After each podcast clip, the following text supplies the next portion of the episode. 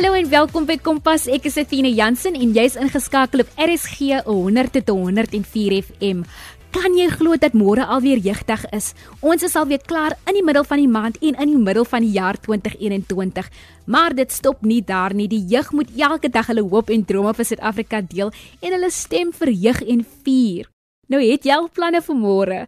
Laat weet vir my hoe jou jeugdag lyk op 45889. 'n SMS kos slegs R1.50 elk of tweet ons by ZARSG. Die afgelope tyd het ons op Dinsdag gefokus op wiskunde wenke. Lizet Boys, beter bekend as Wiskunde Juffie, het wiskunde wenke aan graad 7 tot 9 leerders gedeel en dan het meneer Dylan Seals wiskunde onderwyser wenke aan graad 10 tot 12 leerders gedeel. Ons is so opgewonde oor die terugvoering van die leerders wat dit so geniet om wiskunde oor die radio te luister. Nou vanaand gesels ons met Alberte van der Merwe wat Afrikaanse wenke gaan deel. Ek het vroeër vir 'n wonderlike nuwensgewende organisasie gewerk, die Stichting vir Bemagtiging deur Afrikaans, en hulle het 'n projek gehad waar hulle lees wil bevorder. So wat hulle sou doen is hulle gaan in die gemeenskappe en hulle bemagtig 'n leser in die gemeenskap. Hulle lei hulle op en dan gee hulle vir hulle boekies wat dan aan die skole geskenk word en aan die kinders in die grondslagfase gelees voor raak. Die terugvoering van die projek was altyd so positief. Ons het gehoor van die klasonderwyser en selfs van die ouer hoe die kind se klaswerk verbeter het. Nou lees is so belangrik veral om met begrip te lees want dit is die fondasie vir al die ander vakke. Dit is vir my 'n voorreg om vanaand Alberta van der Merwe te verwelkom. Alberta is die senior kurrikulumbeplanner vir Afrikaans huistaal vir die grondslagfase by die Wes-Kaapse Onderwysdepartement. Sy is verantwoordelik vir Afrikaans huistaal en Afrikaans eerste addisionele taal vir graad R tot 3 leerders in die provinsie. Vanaand gaan ons gesels oor wat gedoen kan word om ons kinders se leesvaardighede te verbeter. Alberte, baie dankie dat jy bereid is om met ons te kom gesels. Ek het gehoor dat die WKOD in Maart 2020 'n leesstrategie uitgerol het. Kan jy asseblief vir ons meer hiervan vertel? Die Weskaap Onderwysdepartement het in samewerking met die Houlaf Society benadering 'n Weskaap leesstrategie ontwikkel om te verseker dat lees 'n prioriteit is in die provinsie. Die strategie is gebaseer op 6 pilare, naamlik leerondersteuning, voorsiening van hulpbronne, die verdere ontwikkeling van onderwysers, navorsing, ouerondersteuning, asook wydverspreide kennisstelling en promovering van die strategie. Met hierdie leefstrategie poog ons om die hele gemeenskap te betrek om ons kinders se lees te verbeter. Dit laat my nou dink aan die Sona toespraak van president Cyril Ramaphosa. Ja, Asina, met hierdie toespraak het ons staatspresident 'n pleidooi gerig aan almal om te help verseker dat al ons kinders teen die ouderdom van 10 met begrip sal kan lees. Dit laat my dink aan die storie van Karela. Alberta, sal jy asseblief vir ons die storie van Karela verduidelik? Athena, hierdie storie van Karela is baie interessant en inspirerend. Het jy geweet dat Karela op 'n stadium die mees ongeletterde staat in Indië was? Die gemeenskap van Karela het besluit dat hulle 'n daadwerklike poging moes aanwend om hulle mense se geletterdheid te verbeter. Hulle het besluit dat elke persoon wat kon lees, iemand moes help wat nie kon lees nie. 'n Goeie voorbeeld hiervan was daar was 'n man wat in sy eerste skooljaar 'n risie met sy onderwyser gehad het. Hy het besluit om glad nie weer skool toe te gaan nie en hy het 'n belofte aan homself gemaak dat hy nooit sou leer lees nie as gevolg van die uitval wat hy met sy onderwyser gehad het. 'n 16-jarige dogtertjie het hierdie man se lewe na 40 jaar om verander. Hierdie dogter het daarna gestrewe om vir almal wat nie kon lees nie te leer lees. Na vele pogings het hierdie man uiteindelik ingestem om te leer lees en na 40 jaar kon hy vir die eerste keer in sy lewe lees. Kerala is nou een van die state in Indië wat die hoogste geletterdheidsyfer het. Die Weskaap het met die uitrol van die strategie Team Read gestig.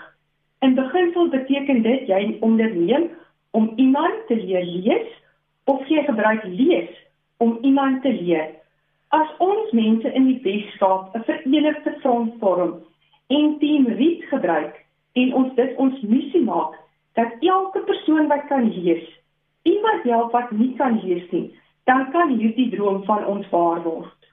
Dit is nou werklik 'n interessante storie, maar dis nogal 'n groot uitdaging wat jy aan die gemeenskap rig. Waar begin ons? Ons moet eers kyk wie die verskillende rolspelers is en wat elkeen kan doen om hierdie droom te laat waar word. Die rolspelers is die Weskaapse Onderwysdepartement, die breë gemeenskap, die skool en die ouerhuis. Alberta vertel vir ons wat het die WKOD gedoen? Die Weskaapse Onderwysdepartement het gedurende die pandemie verskeie goed in plek gestel om ons ouers, opvoeders en leerders te ondersteun. Nommer 1 die senior kurrikulumbeplanners in samewerking met adviseurs en opvoeders het weeklikse lesplanne met werkkaarte, e-boeke en video's saamgestel. Hierdie hulpbronne is beskikbaar op die WKOD se e-portaal. Daar is tans 24000 gratis e-hulpbronne beskikbaar. Ons wil alle ouers, opvoeders en leerders uitnooi om na die hulpbronne te gaan kyk en dit af te laai en te gebruik. Die WKOD het ook begin om 'n kwartaallikse virtuele biblioteek daar te stel met boeke vir ons kinders om te lees. U kan hierdie boeke gratis aflaai en vir u kind lees. Die boeke is in isiXhosa, Engels en Afrikaans beskikbaar. Ons het verder 'n e-klaskamer ontwikkel wat aan 'n interaktiewe plakkaat gekoppel is. Die doel van die interaktiewe plakkaat is hulpbronne, is om hulpbronne vir graad 1 ouers leerders en opvoeders daar te stel.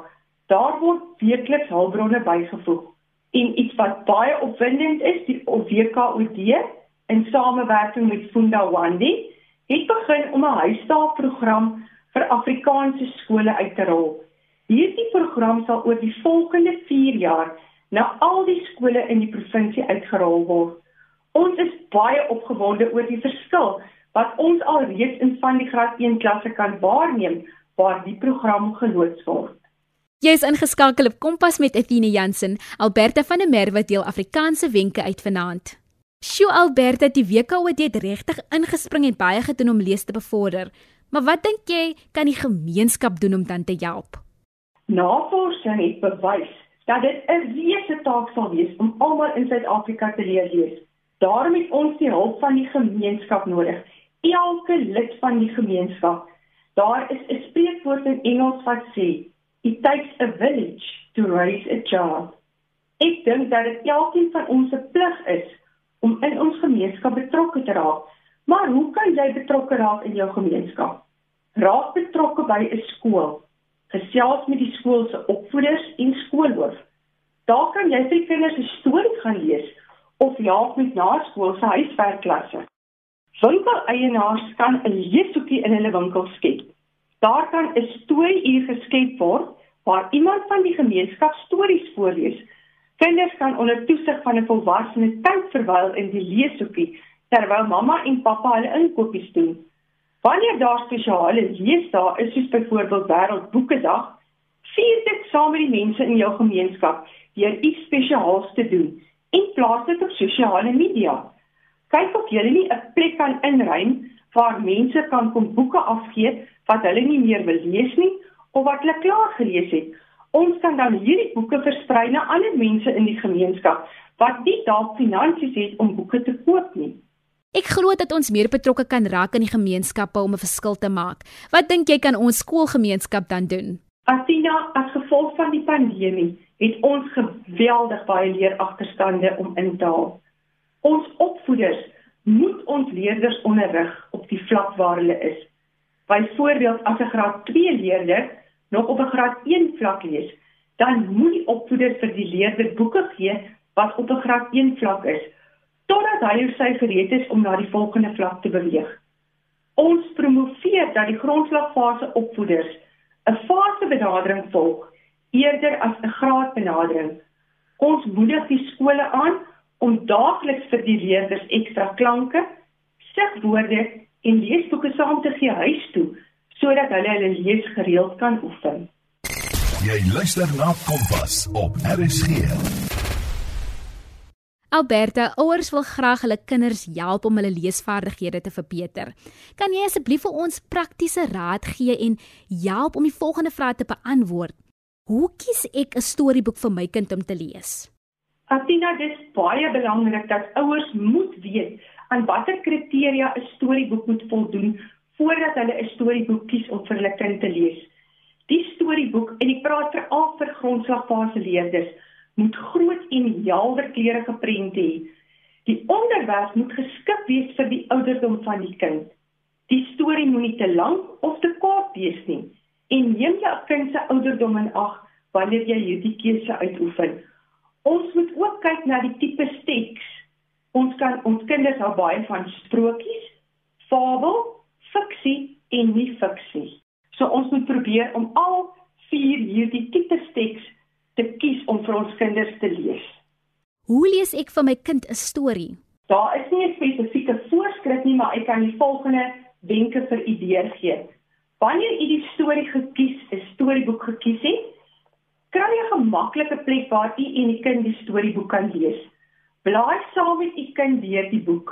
Bespreek die prente en die titel van die boek. Laat u kind voorspel wat hy of sy dink in die storie gaan gebeur. Lees die storie een keer aan u kind voor.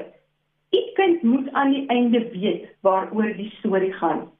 En dan derdens, lees die storie weer 'n keer Die doel van die tweede lees is om 'n goeie begrip te vorm en te weet waaroor die storie handel. En dan die vierde stapie is om vaslegging te doen van die storie. Nou, hoe doen ek vaslegging van 'n storie? Die kind kan sy of haar gunsteling deel van die storie teken. Jy kan prente gebruik en dit in die korrekte volgorde laat plaas. Want volgorde van gebeure is baie belangrik. Wat is vir hom of haar die hoogtepunt? Gesels daaroor en speel rolspel. Dit is vir kinders baie opwindend om rolspel te speel.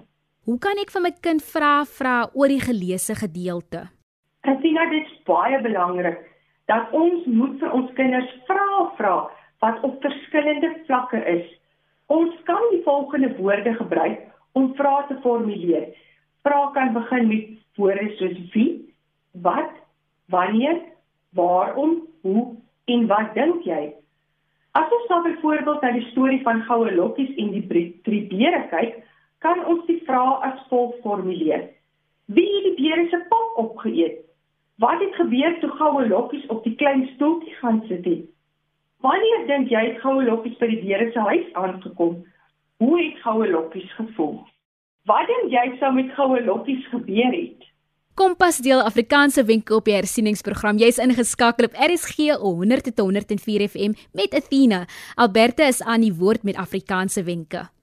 Kan jy vir ons 'n paar algemene wenke gee? Lees daagliks vir jou kind. Maak lees deel van jou huishoudingsroetine. Lees vir jou kind.